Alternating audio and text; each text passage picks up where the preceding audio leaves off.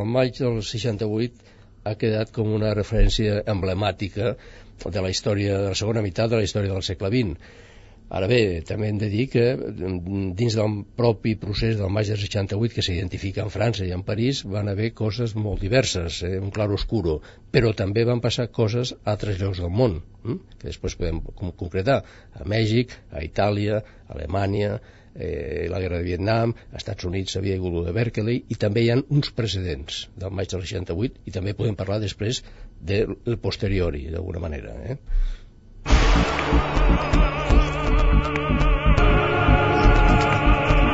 L'Hora de Plutó, amb Núria Ribot.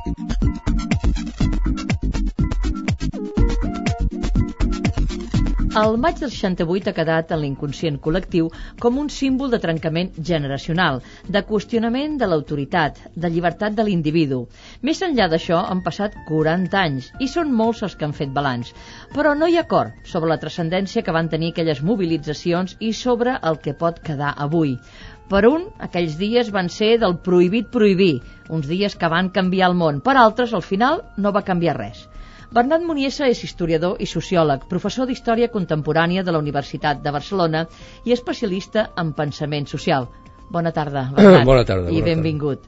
Al 68 tu estudiaves aquí a la universitat eres corresponsal també de Ruedo Ibérico, aquella Exactament. famosa editorial sí, fundada sí, sí. a París per exiliats sí. espanyols. Però on te va agafar el maig del 68? Al maig del 68 jo estava, és a dir, a Barcelona. En aquell moment estava a Barcelona. Vaig estar-hi a París al juny, però el maig del 68 concret estava a Barcelona, que també teníem molts problemes, perquè estàvem en l'època d'organitzar el Sindicat Democràtic d'Estudiants contra la dictadura franquista. Vull dir que aquí també hi havia feina però el caràcter de la feina que fèiem aquí de, era una rebel·lió diferent de la rebel·lió cultural que hi havia a París. Aquí era més política perquè teníem la dictadura feixista de Franco. Mm? Uh -huh. I per què el focus es va posar en París? Perquè tu deies al començament que van ser molts punts diferents del món i es va posar en un maig que tampoc coincideix, però bé, és un símbol, però en canvi tothom parlem de París, de maig del 68 París, i en canvi hi ha molts focus. Per què? Bé, aquí eh, podríem, eh, hem d'anar parar una mica la història de França. I França, clar, dins del context europeu, és, és un, té una història molt especial. No oblidem que la revolució de 1789 comença a París, és a dir, la primera trencada contra la societat feudal, l'antic règim i l'agrarista comença a París. Per tant, eh, França és una mica emblemàtic, les masses que salten la Bastilla, el 1789, perquè és el símbol del poder. A partir d'aquí, França té una història complexa. És la seu d'uns moviments anarquistes. Eh, en març passa per París. Eh, després hi ha la Comuna de París, eh, cap a finals del, del 19 eh, França si, finalment s'instaura una república, és a dir, té una vitalitat i una cultura extraordinària, no? Només per parlar de la generació de la Rive Gauche, per exemple, eh? dels anys 50-60, amb dos figures emblemàtiques que eren Albert Camus i Jean-Paul Sartre, cadascú a la seva manera. No? També hi havia una dreta, una ultradreta molt potent intel·lectualment en aquella època, que hi havia André de la Rochelle, en Brasillac i altres intel·lectuals, és a dir, França una potència intel·lectual i cultural extraordinària això que ara, ara està una mica apagada, no? I el maig francès, d'alguna manera, del 68, recull una mica tota aquesta tradició, eh?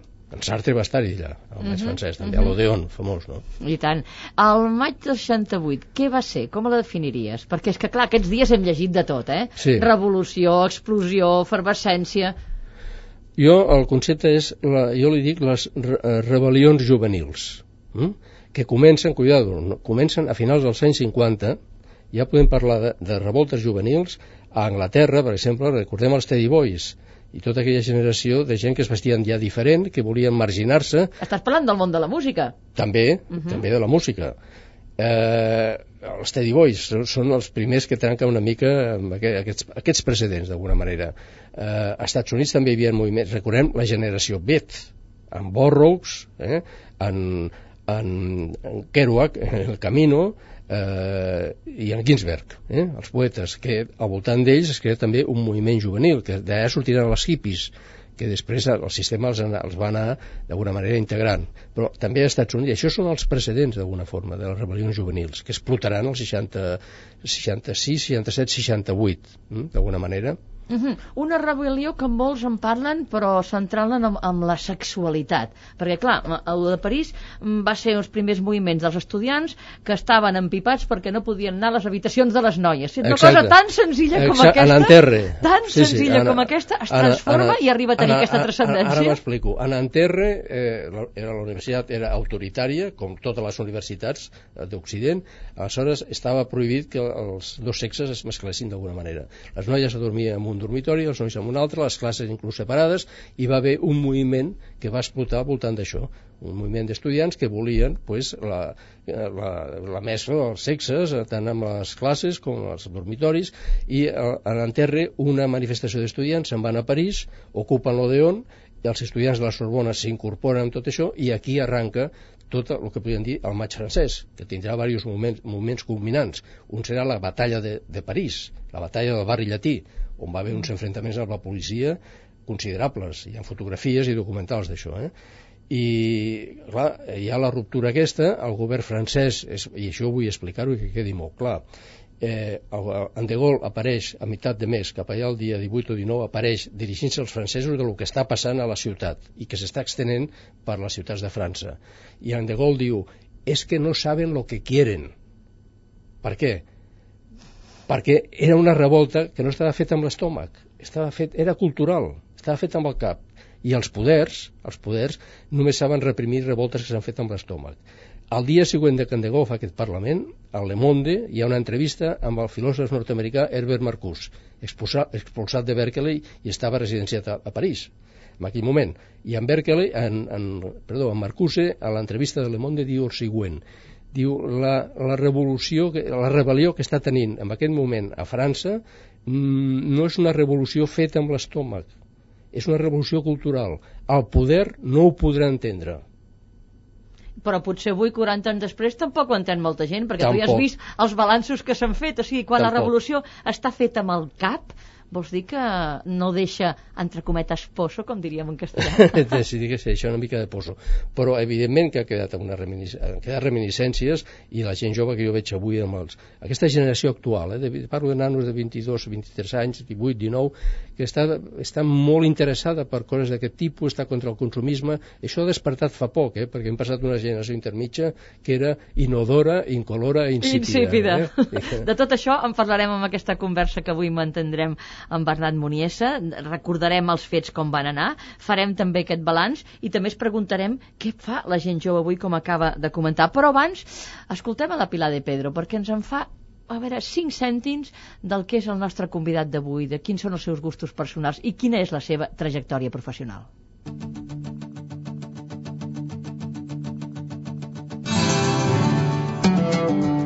Bernat Muniesa és doctor en Història per la Universitat de Barcelona, llicenciat en Sociologia per Deusto i professor d'Història Contemporània en la Universitat de Barcelona també. Entre els seus llibres publicats hi ha Dictadura i transició en l'Espanya lampedusiana, la dictadura franquista, Dictadura i transició en l'Espanya lampedusiana, la monarquia parlamentària o la compilació Sociologia de la. Aquest any ha publicat amb els llibres del Viejo Topo Libertat, Liberalismo, Democràcia i ara treballa en un nou llibre sobre feixismes postmoderns. Amb el camp de la ficció, el nostre convidat ha escrit la novel·la Romor de Límites, els llibres de relats Candongo i Fricandó. També és autor de l'obra teatral Durruti i del guió de cinema Amor en Rojo. Pels anys 60, el nostre convidat anava sovint a París i col·laborava en Ruedo Ibérico, l'editorial i la revista fundada per refugiats espanyols que van publicar un munt d'obres i articles crítics amb el règim, que després eren introduïts clandestinament a Espanya. Al maig del 68 va agafar Bernat Muniesa aquí, en un moment en què també hi havia força agitació a la Universitat de Barcelona. Han passat molts anys i el nostre convidat no ha perdut l'esperit crític. Potser és influència de Verge, que és el seu signe del zodíac. Bernat Muniesa és membre d'Unitat Cívica per la República de Catalunya i del Centre de Documentació Ateneu Enciclopèdic Popular. Quan no treballa, al nostre convidat li agrada la lectura, la música i el cinema, des de temps moderns de Chaplin, una pel·lícula que passa sempre als seus estudiants, fins a Mystic River de Clint Eastwood. Han demanat Bernat Muniesa que ens recomani un llibre que ens permeti acostar-nos al maig del 68.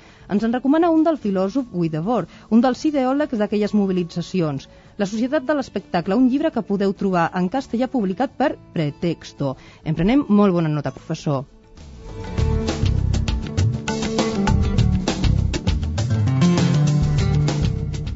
Professor Boniesa, parlem aquesta primera part i recordem els fets, perquè aquests dies, ja dic, centenars de llibres, d'articles a la premsa, etc etc, fent balanç, però estic segur que molta gent jove no sap el que va passar i com es va produir tot allò, i ho centrem a París, tot i que abans ja, ja hem comentat que va haver-hi esclats a moltes ciutats europees i fora d'Europa també, no? Uh, per què es va produir a tants llocs diferents, a sistemes polítics i socials diferents, i va coincidir en el temps arreplegant sempre gent jove, que va ser la que es va aixecar. Què, quin va ser el detonant o el denominador comú? Mm, jo diria que podria, eh, segurament hi ha diversos denominadors comuns, però hi ha un que és fonamental, que és la crisi de la política. És dir, tenim, hem de tenir en compte que, a part del que, a part del que hem parlat de, de França, de París, en aquell moment a Itàlia, a Itàlia eh, està sorgint un moviment obrer nou al marge del Partit Comunista. Els partits comunistes estan fent crisis, estalinitzats, eh? a França, el Partit Comunista francès, amb, el, amb, el, amb els fets de la rebel·lió juvenils, quedarà marginat i serà el principi del seu final.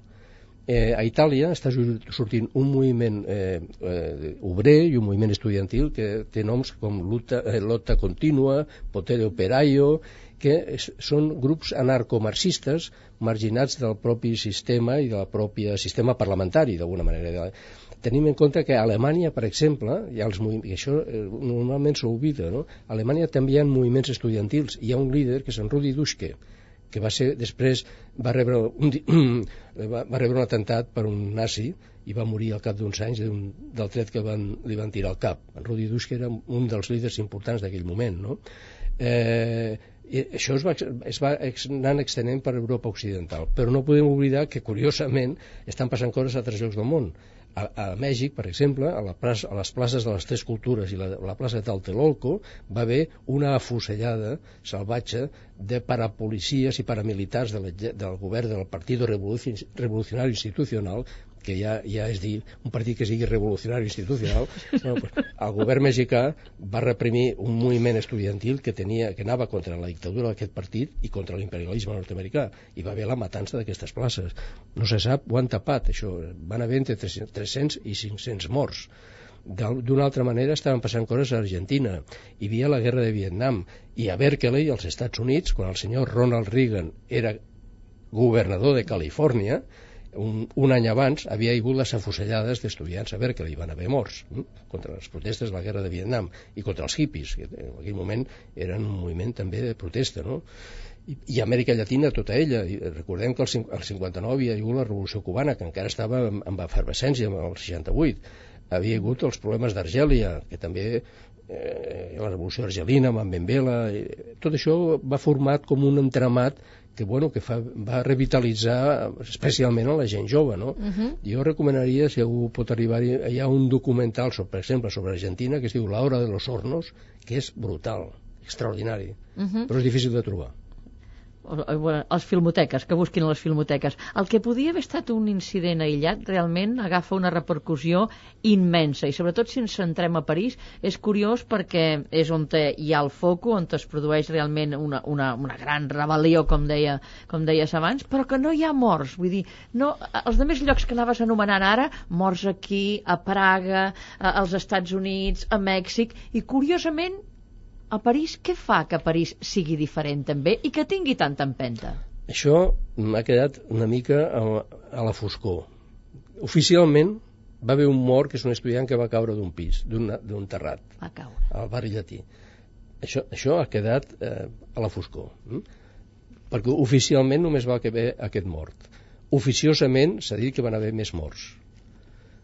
Aquesta és la realitat un, si un veu els documentals i el que va passar a París, a la batalla de Sant Michel, per exemple, a l'Odeon i tot allò, els cotxes volcats, i els incendis...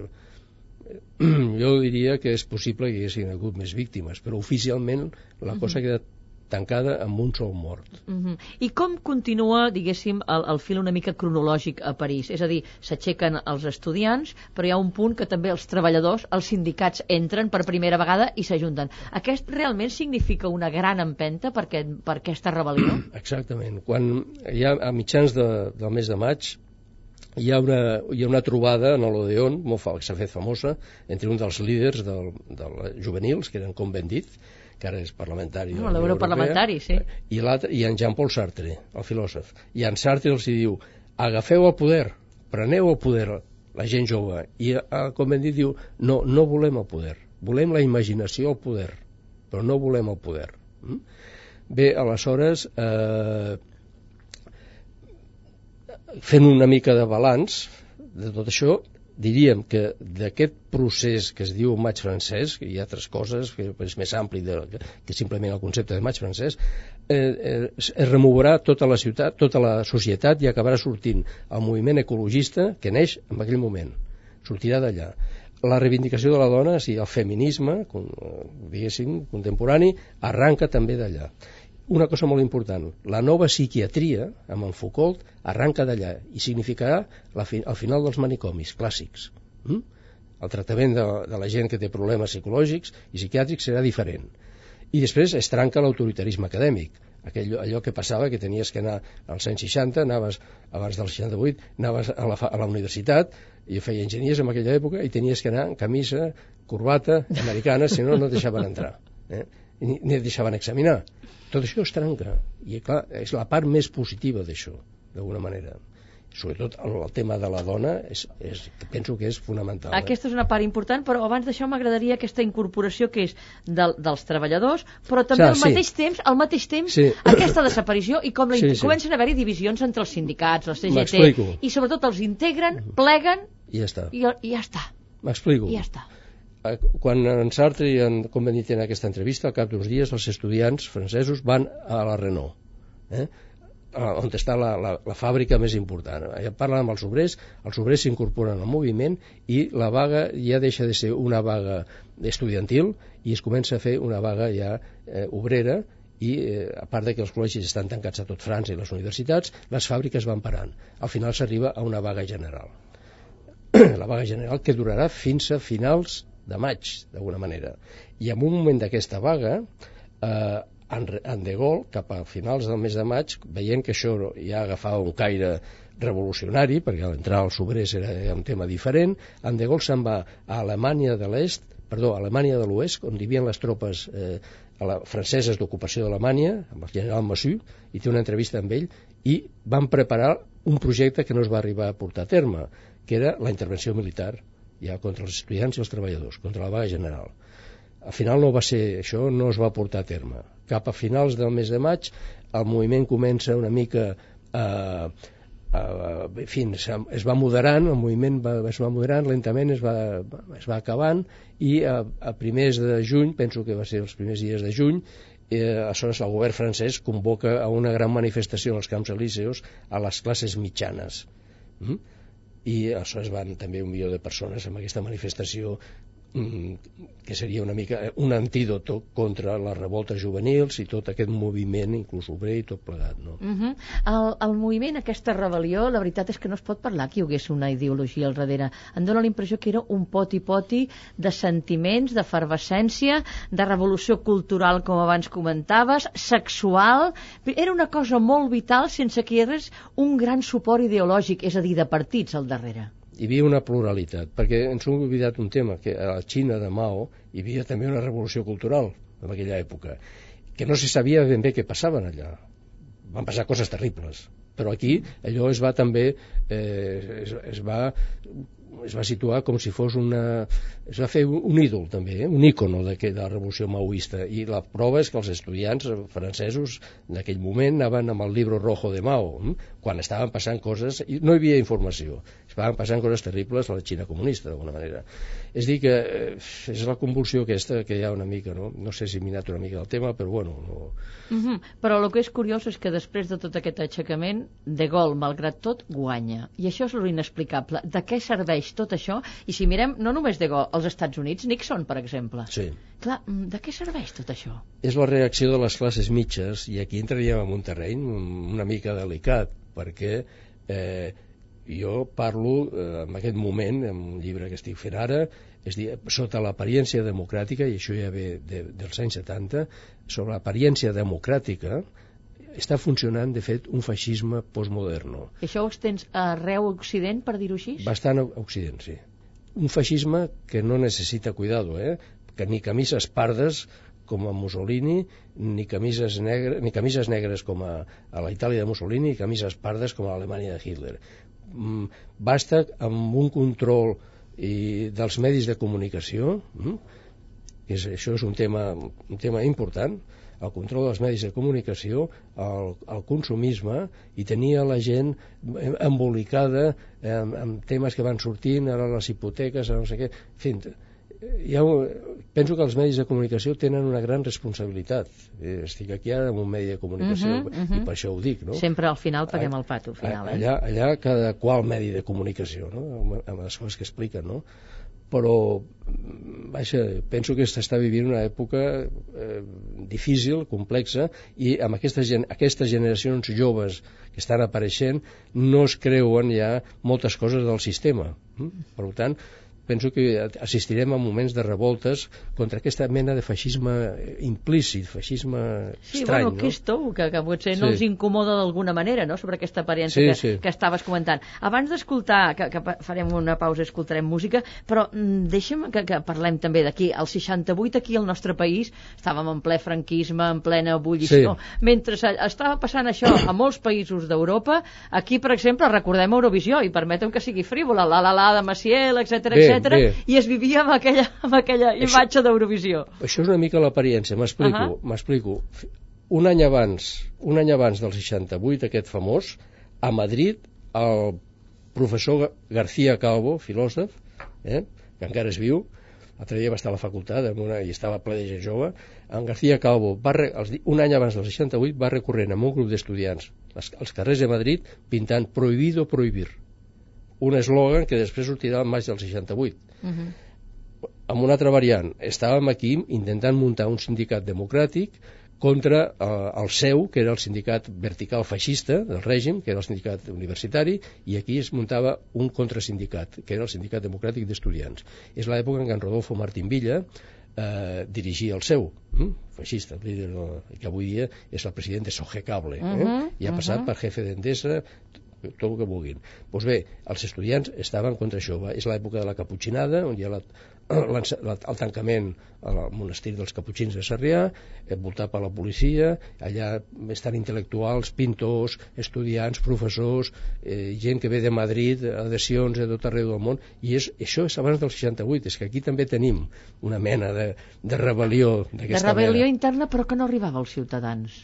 Molt Bueno, pocs ciutadans. Era allò, molt- l'elit, que sí. diríem, l'elit universitària, Sí, els sí, sí, intel·lectuals que tenien, diguéssim, Sí, aquesta sí. ebullició i guerra interna, No però ser... que al carrer no arriba. Bé, no arriba perquè hi havia molta por, però recordem que Barcelona, que se- sempre ha sigut la, trinxera, la principal trinxera contra la dictadura franquista, i a l'any 51 va haver una, una, vaga, una vaga de tramvies que va acabar amb una vaga general, el 51. Eh? Al 57 torna a haver una altra vaga. El que passa és que, clar, tot aquest moviment estudiantil, hi, hi havia por, la policia... Bueno, no, va quedar com una cosa exòtica d'alguna manera, eh? però va ser important perquè, ho- t'ho dic de veritat, eh? la universit les universitats espanyoles, que en aquell moment eren Barcelona i Madrid, perquè no hi havia universitats més enlloc, eren, eren massives eh, aquestes universitats, la universitat es va convertir en terra cremada a partir d'aquesta època, perquè la policia, el règim, la dictadura, enviava policies a les aules, estaven les universitats, la plaça de la universitat voltada de policies, policies a dins. Aleshores què passava? Que els professors veien policies allà i no entraven, els alumnes tampoc entraven. La, terra, la, la universitat es va començar a, a convertir en terra cremada i això va durar, la destrucció de la Universitat Espanyola arriba fins a la transacció, d'alguna manera. La transacció, que per aclarir-ho, estem parlant de la transició. Sí. Eh? Dir, però no tots els oients allò no, no, no, ràpid, sí. ho sé perquè abans No, de començar sí. l'entrevista Ho- m'ho ha comentat ho i abans també m'he quedat una ho mica hem així. parlat, sí. per això ho sé. La universitat es converteix en, un, en la primera trinxera de lluita contra la dictadura franquista. És el nostre maig del 68, d'alguna manera, no? Que dura més temps, eh? perquè la lluita va ser llarga. Van haver morts, eh? Cuidado, eh? Mhm. Com Enrique Ruano, eh? I gent que es va, es va jugar al tipus, no? En fi, que... Aquí passaven coses. Bernat, fem una pausa i escoltem música. Estaves parlant de Barcelona, però Sevilla sé que és una ciutat que té el cor robat. Sí. Sí, i has escollit l'obertura del Barber de Sevilla, Oh, de, de Rossini. Què, què li passa a Sevilla, que et té tan enamorat? Ara parlo. Sí, sí, sí, sí. Bueno, Sevilla, pues, en fi, eh, si hi ha oients que han estat a Sevilla, potser es donaran compte I segurament molts sevillanos que ens escolten, que té també. una estètica especial, simplement una, una referència, perquè es donin compte de la, de, de la història que té aquesta ciutat. En Beethoven li dedica l'òpera Fidelio. En Mozart fa les bodes de Figaro i Don Giovanni, que tenen lloc a Sevilla. Eh, després ve en Rossini fa el Barbero de Sevilla. En Paisiello fa un altre Barbero de Sevilla. Després ve en Bizet i fa la Carmen, la cigarrera de Sevilla. I després ve en Verdi, sorprenentment, i fa La fuerza del destino, que passa a Sevilla, amb la- l'obra del Duque de Rivas portada a l'òpera. Bueno, és que et quedes, no hi ha cap ciutat, ni París ni res, Que tingui aquests d'Europa que té- homenatges musicals. i això es deu pues, Sevilla té una estètica molt especial, té una història extraordinària, en fi, Ens quedem en Rossini, doncs, i el seu barber. Sí.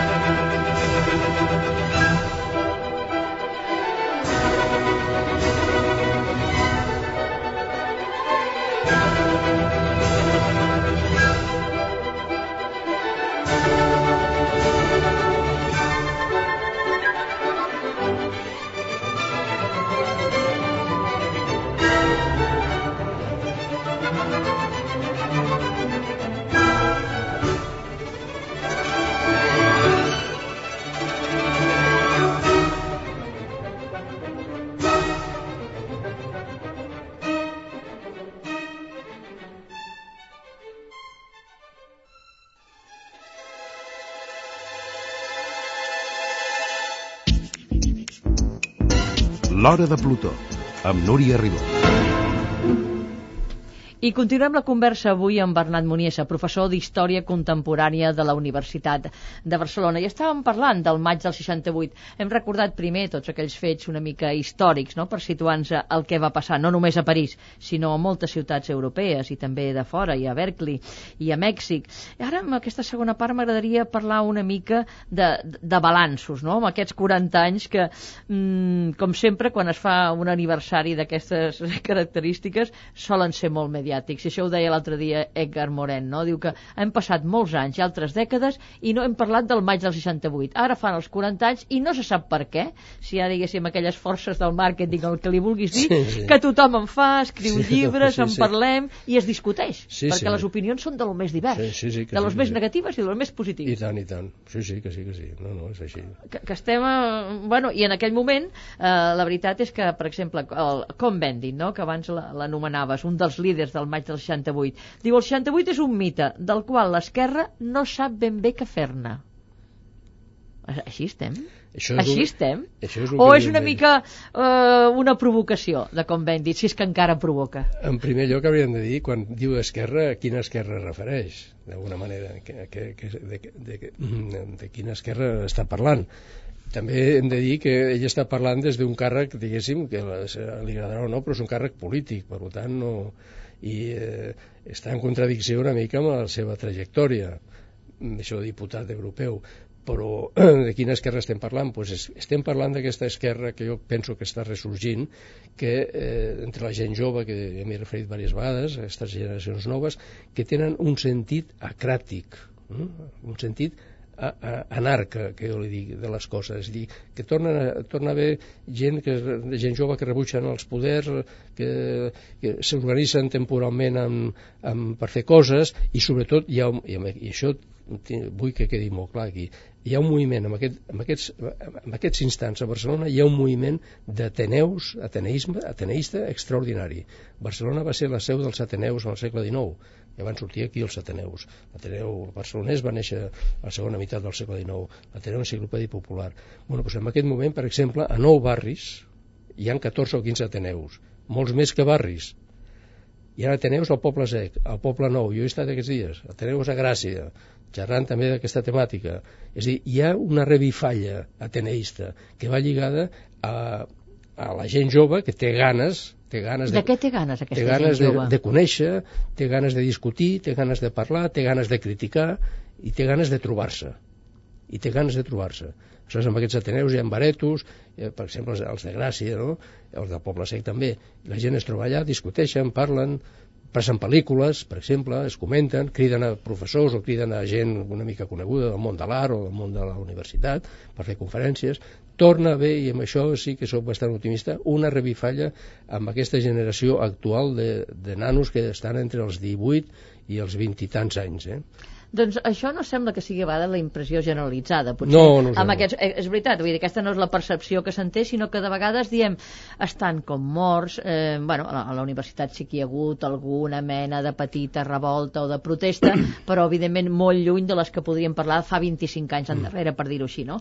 Això sobta d'alguna manera que eh, aquests petits grups, i sembla que llegia que Josep Ramoneda deia l'altre dia, precisament a partir del maig del 68, sí. diu, hem estat bons fills fills però no bons pares. Això de, diguéssim, de que eh, els hi hem deixat fer tot, no els hi hem deixat també un espai per la transgressió, i, i em pregunto en tot això, potser sí, potser aquests grups que a vegades dius per què tanta violència o per què tant passotisme, per dir-ho d'alguna manera, són dos extrems que els estem vivint amb la gent jove i els culpables són els pares que han vingut potser, que han viscut aquests 68, no? En part sí, però mm, això seria una, la generació una mica intermitja, no?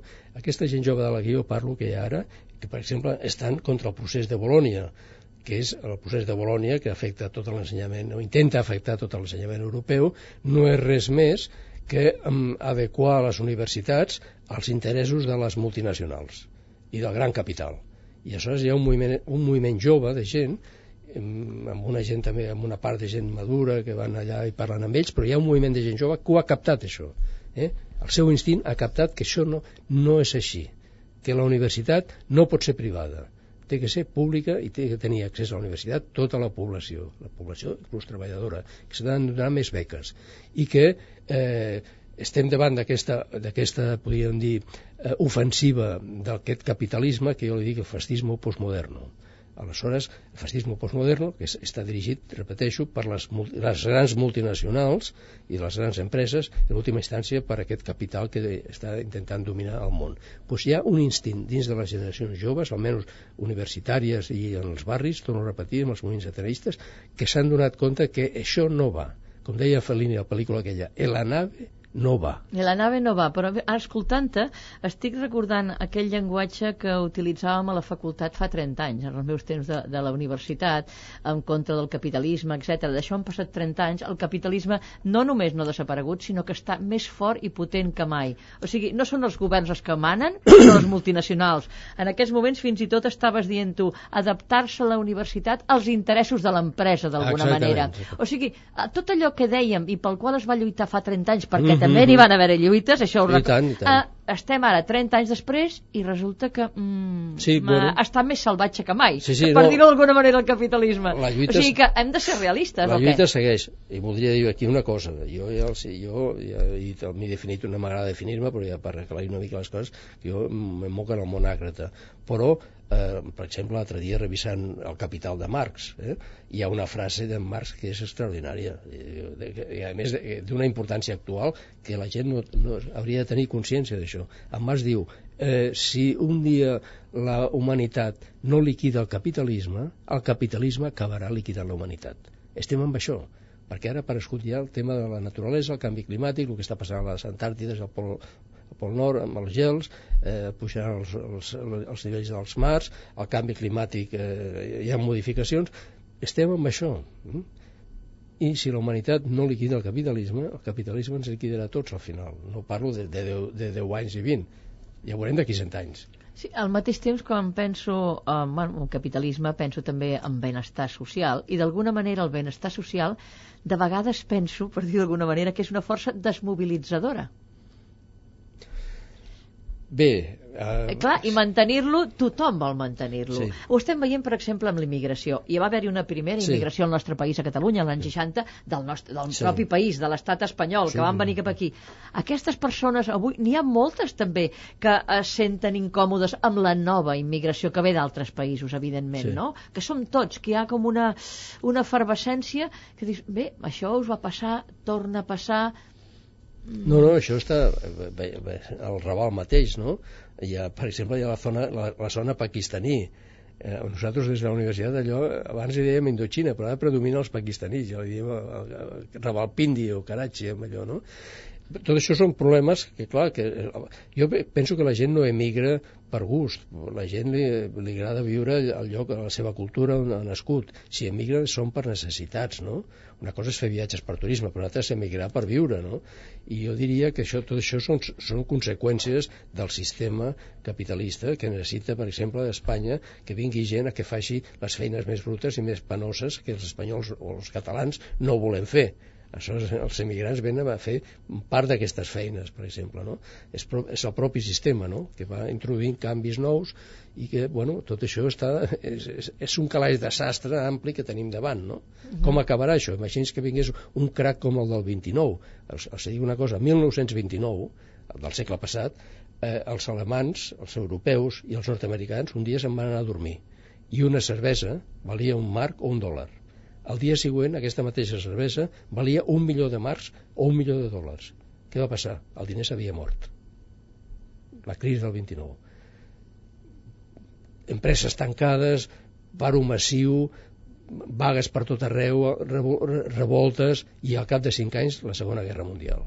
Uh -huh. Cuidado. Però el, el mateix sistema globalitzat que estem ara, no creus que també farà que tot s'aguanti més? Perquè si no seria com una mena d'aspiradora que tothom, a tothom s'engolliria. Per la mateixa regla de tres, aquest sistema globalitzat que estem vivint de l'economia, també no pot ser al mateix temps una forma d'aguantar-lo? que alguns patiran i molt, això està claríssim, sí, està claríssim. I, i molts es queden fora, sí, eh? sí. això està claríssim sí, sí. però que al mateix temps no ho pots deixar perdre exactament Bueno, jo penso que el que està, el que està amb una, dis, el capitalisme té diverses versions. La que està, la, la versió que està fracassant, que ha fracassat ja altres moments de la història, però torna a fracassar ara és el liberalisme. Al capitalisme, davant del fracàs del liberalisme, li queda l'alternativa socialdemòcrata, que és la línia keynesiana. Mm?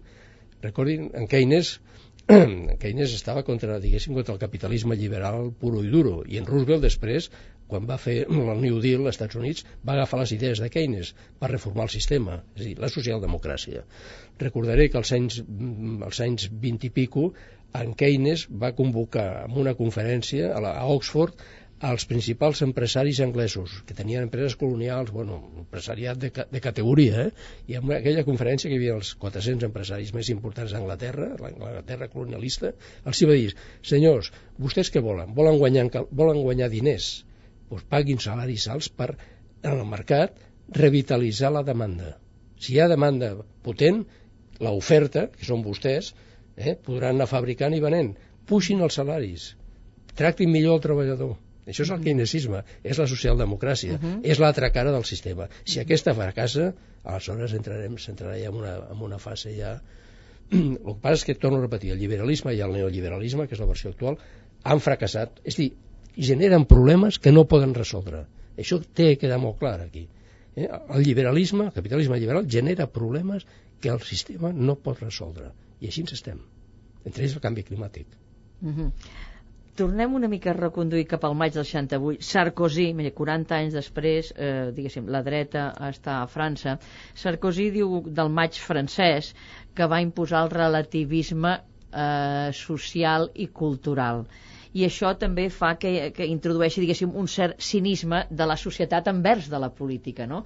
Aquí hem arribat a parlar de la política. Mm, això crec que aquest sentiment és molt generalitzat. Sí. Aquest cinisme que existeix respecte al sistema polític, al sistema de partits, però ara per ara potser és el menys dolent dels que tenim. De, si no, quin sistema? Evidentment, encara que tu siguis an anarco. No, no. Però vull dir, la societat necessita un sistema de manteniment sí. i aquest cinisme que hi ha respecte a la política no és bo. Bueno, aquí entraríem en un terreny una mica complex.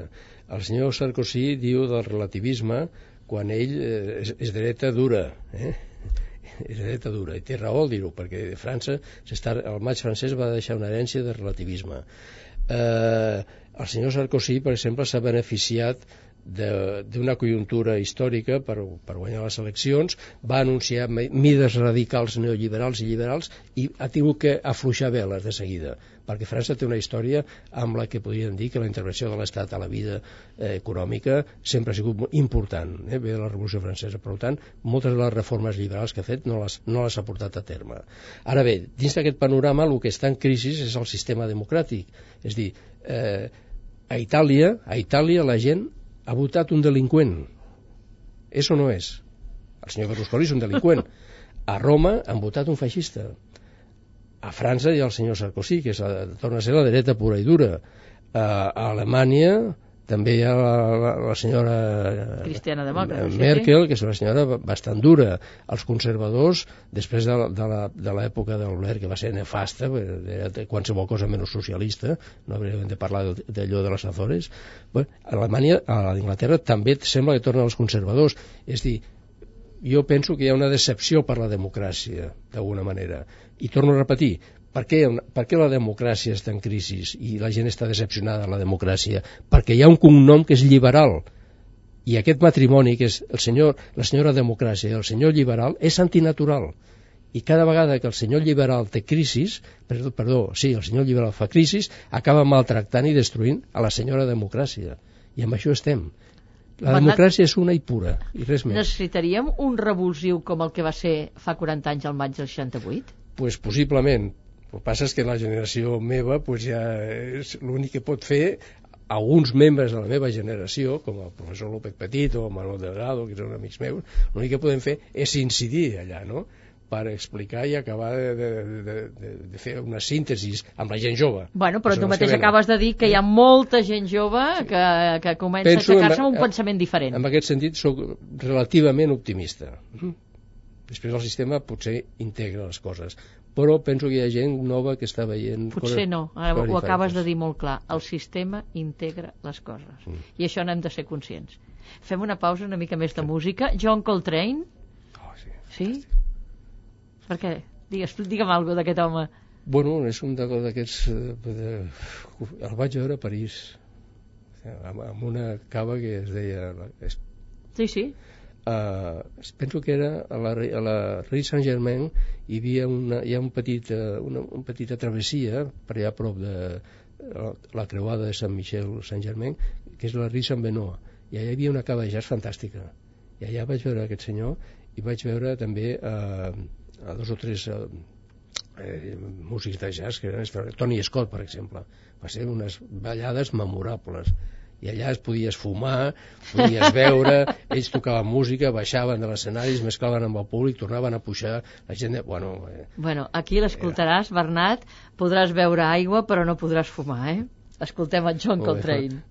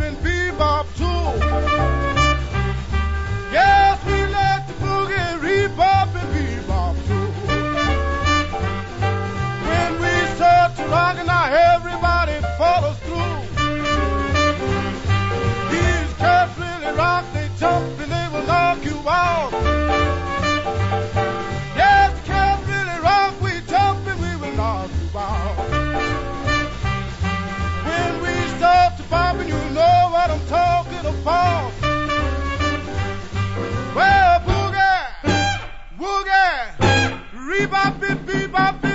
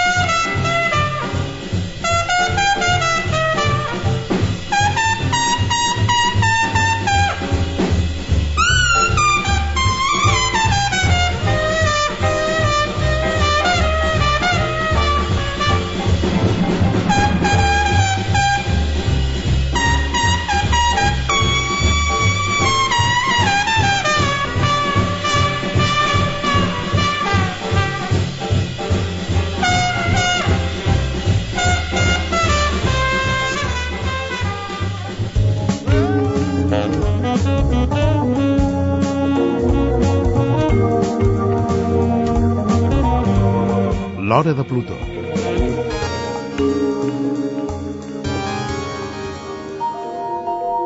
I arribem a la darrera part del programa amb conversa amb Bernat Muniesa, professor d'Història Contemporània de la Universitat de Barcelona. I arribem a aquesta darrera part d'aquesta conversa entorn del maig del 68 i ens preguntem, i el món després del 68 què? Però mentre estava escoltant la música m'estava dient és que recordo aquelles caves aquí no tenim caves a Barcelona, no tenim aquests llocs on poder escoltar aquesta música en condicions. És que vam viure, aquí clar hi havia la dictadura de Franco, però encara hi, hi havia això que jo dic, la vida bohèmia hi era, eh? hi havia tant la, la, la gent guapa que anaven al bocatxo, però també els joves teníem les nostres... anàvem allà a caves que hi havia de jazz i podia sentir músics i coses d'aquest tipus. Aquesta vida bohèmia, no?, que era pues, sortir a fer les copes, el recorregut per, la, per les Rambles amb els seus amics, que era el pintor Carlos Mensa, en Cardona Torrandell, que són morts, desgraciadament, i bueno, anàvem al, al, a l'ascensor allà al, al, al, per, tocant a l'Ajuntament i, i acabàvem, quan ja pujàvem per les Rambles acabàvem a Boades fent el còctel, l'últim còctel del dia no? que encara està obert a Boades no? sí, sí, sí, I era encara la, la vida bohèmia i, i els alternes, les noies es començaven a incorporar amb els grups aquests i venien amb nosaltres ja per les nits i era trencar també amb l'autoritarisme de la família, arribaves a casa a les 3 de la matinada uh -huh. i no és allò que tenies que arribar a les, a les 10 de la nit. Eh? Això va ser una conseqüència també del 68 sí, això, una mica, no? Aquesta apertura, sí, aquesta sí, part. Sí, sí, sí, sí. A veure, però parlem del món, eh, què passa després del 89? Comencen a canviar coses, no? La caiguda sí. del comunisme i del mur de Berlín, que és la imatge, la no? La imatge, sí. Bé, l'any 89 hi ha un, és un altre tall històric, eh, aquest de nivell, podríem dir, també molt ampli, eh? Uh -huh. perquè clar, afecta... Bastant planetari, d'alguna manera. A tot el planeta, eh? Aleshores, eh, què passa? El 89 és el principi del fin de lo que jo dic la falsa Icària, que era la URSS, i que mm, durant molts anys pues, la gent que era anticapitalista, clar, tenia aquell punt de referència, no? I la, la URSS sent el que era, que era un desastre, i a més va caure sola i no va sortir ningú a defensar-la, però la URSS, amb, el, amb, el, amb la geoestratègia mundial, des del punt de vista de la política de poder, feia d'un contrapès. Mentre la URSS va existir, el, diguéssim, el capitalisme liberal mm, estava condicionat per l'existència d'allò. Mm? I la prova és que surt en Keynes i el keynesisme, per moderar el sistema capitalista i arrinconen el liberalisme i s'incorpora la socialdemocràcia eh, perquè el que hi havia allà feia por. En el moment que això cau, eh, el capitalisme liberal torna eh, a voler-ho tot. Eh? Ho volen tot o sigui que encara allunyarem aquella altra època. Bueno, Abans feia referència sí, a Franco sí, per recordar l'ambient de Barcelona. Sí. I ara m'estàs recordant... No, per, per, a parlar de geopolítica, la Unió clar, Soviètica. Et, et dones compte dels contrapesos dels poders que hi havia. Per mi, si jo, jo pogués, el món seria diferent completament. Això és veritat. D'alguna manera. 11 setembre 2001 un altre tall a la història important. Sí, jo parlo d'aquest tema, si sí, aviam una cosa. Jo, el concepte de nebulosa. Mm? L'assassinat d'en Kennedy. Una nebulosa sí o no? Uh. -huh. En Luther King. Encara cada any es recorda el mes de novembre qui va ser... Dos Kennedys. Els dos, sí. una nebulosa. En Luther King, una nebulosa. Uh, podríem anar parlant de, de més nebuloses i arribaríem al, al famós 11 de setembre. de setembre. Una nebulosa. Ja en parlarem algun dia què pot sortir d'això, eh? Ja en parlarem. Que cada un entengui, entengui el que eh, el que vulgui entendre d'això que dic, eh? Molt cuidado. Mm -hmm. Els moviments eh, de rebel·lió o de canvi social són cíclics? Jo, la història cíclica és molt platònica, és dir, en Platón parlava sempre de que la història eh, es va repetint eh, i clar, i quan es, es va repetint cada vegada és en forma més de farsa no? és, hauríem de parlar ja que al final es convertirà en un esperpento que és el que deia Valle Inclán no? En Marx, en canvi, opinava que la història és lineal, no? i que quan es repeteix es transforma en una farsa però la, la, la història tendeix a ser lineal. La, lineal cap a on? Clar, ell pensava, no, després, del feudal, després de les societats esclavistes ve el feudalisme, després del feudalisme ve el capitalisme. Al porvenir serà el socialisme i el comunisme al final, donde cada uno aportará a la, a la sociedad lo que él pueda aportar y recibirá lo que necesite, que això ho va agafar els anarquistes però clar, això no ha passat així d'alguna manera, o no està així. Eh? Eh? Aquesta perspectiva, en tot cas, està por ahí, no? En la societat actual hi ha lloc per les utopies? Ara, sí, quan penso en utopia, molts estem pensant, per exemple, que està passant als Estats Units i sobretot amb la candidatura de Barack Obama, que es diu que és un utòpic, com es planteja fer un discurs d'aquesta forma en aquell país i d'aquesta forma, no? Calen? Són necessàries? Existeixen? Jo penso que l'utopia és un, fa moure la, la història. Mira, un, person, una, un, un sociòleg tan important i tan moderat com era Max Weber tenia una frase molt famosa, és dir, si el ser humà no hagués lluitat per lo impossible, no hagués aconseguit, aconseguit lo possible. Això em recorda el 68 en Max Weber als anys 20 del segle XX. És que, clar, el Max del 68 recull també tota aquesta cultura prèvia i eh, aquesta frase de Max Weber és una frase eh, extraordinària, no? I per altra banda hi havia l'escola de Frankfurt, que és una, una meravella, el Sadorno i el Horkheimer, que deien que tota persona en el cap li, el, té el cervell ocupat per la ideologia, però hi ha un petit racó que hi ha l'utopia, que és la, eh, i al final la història és la lluita entre el que és i el que hauria de ser, i aquí tenim uh -huh. l'utopia. Uh -huh doncs guardem aquest raconet, que no ens ompli el cap de res més, guardem aquell petit foradet per continuar subsistint. Arribem al final del programa, Bernat Munies, ha estat un ple aquesta conversa i aquest repàs a la història i sobretot d'utopia, perquè veig que encara, malgrat tot i els anys i el que has viscut, et mantens amb una utopia agraït, galopant. Sí, sí, sí, sí. galopant. Visca l'utopia. Sí. Acabem amb Verdi, que t'agrada molt també, els cors de Nabucco.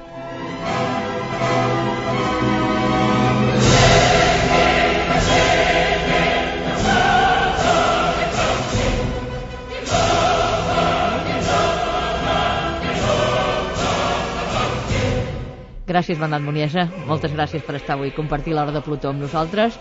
Gràcies, gràcies també als oients que ens han acompanyat, en nom de tot l'equip, en nom de Pilar de Pedro en els guions, de la Dolors Joanola a la producció i de José María Campillo a les vies de so. Tenim un correu electrònic, qualsevol comentari a plutó arroba catradio.cat i us deixem amb els cors de Nabucco.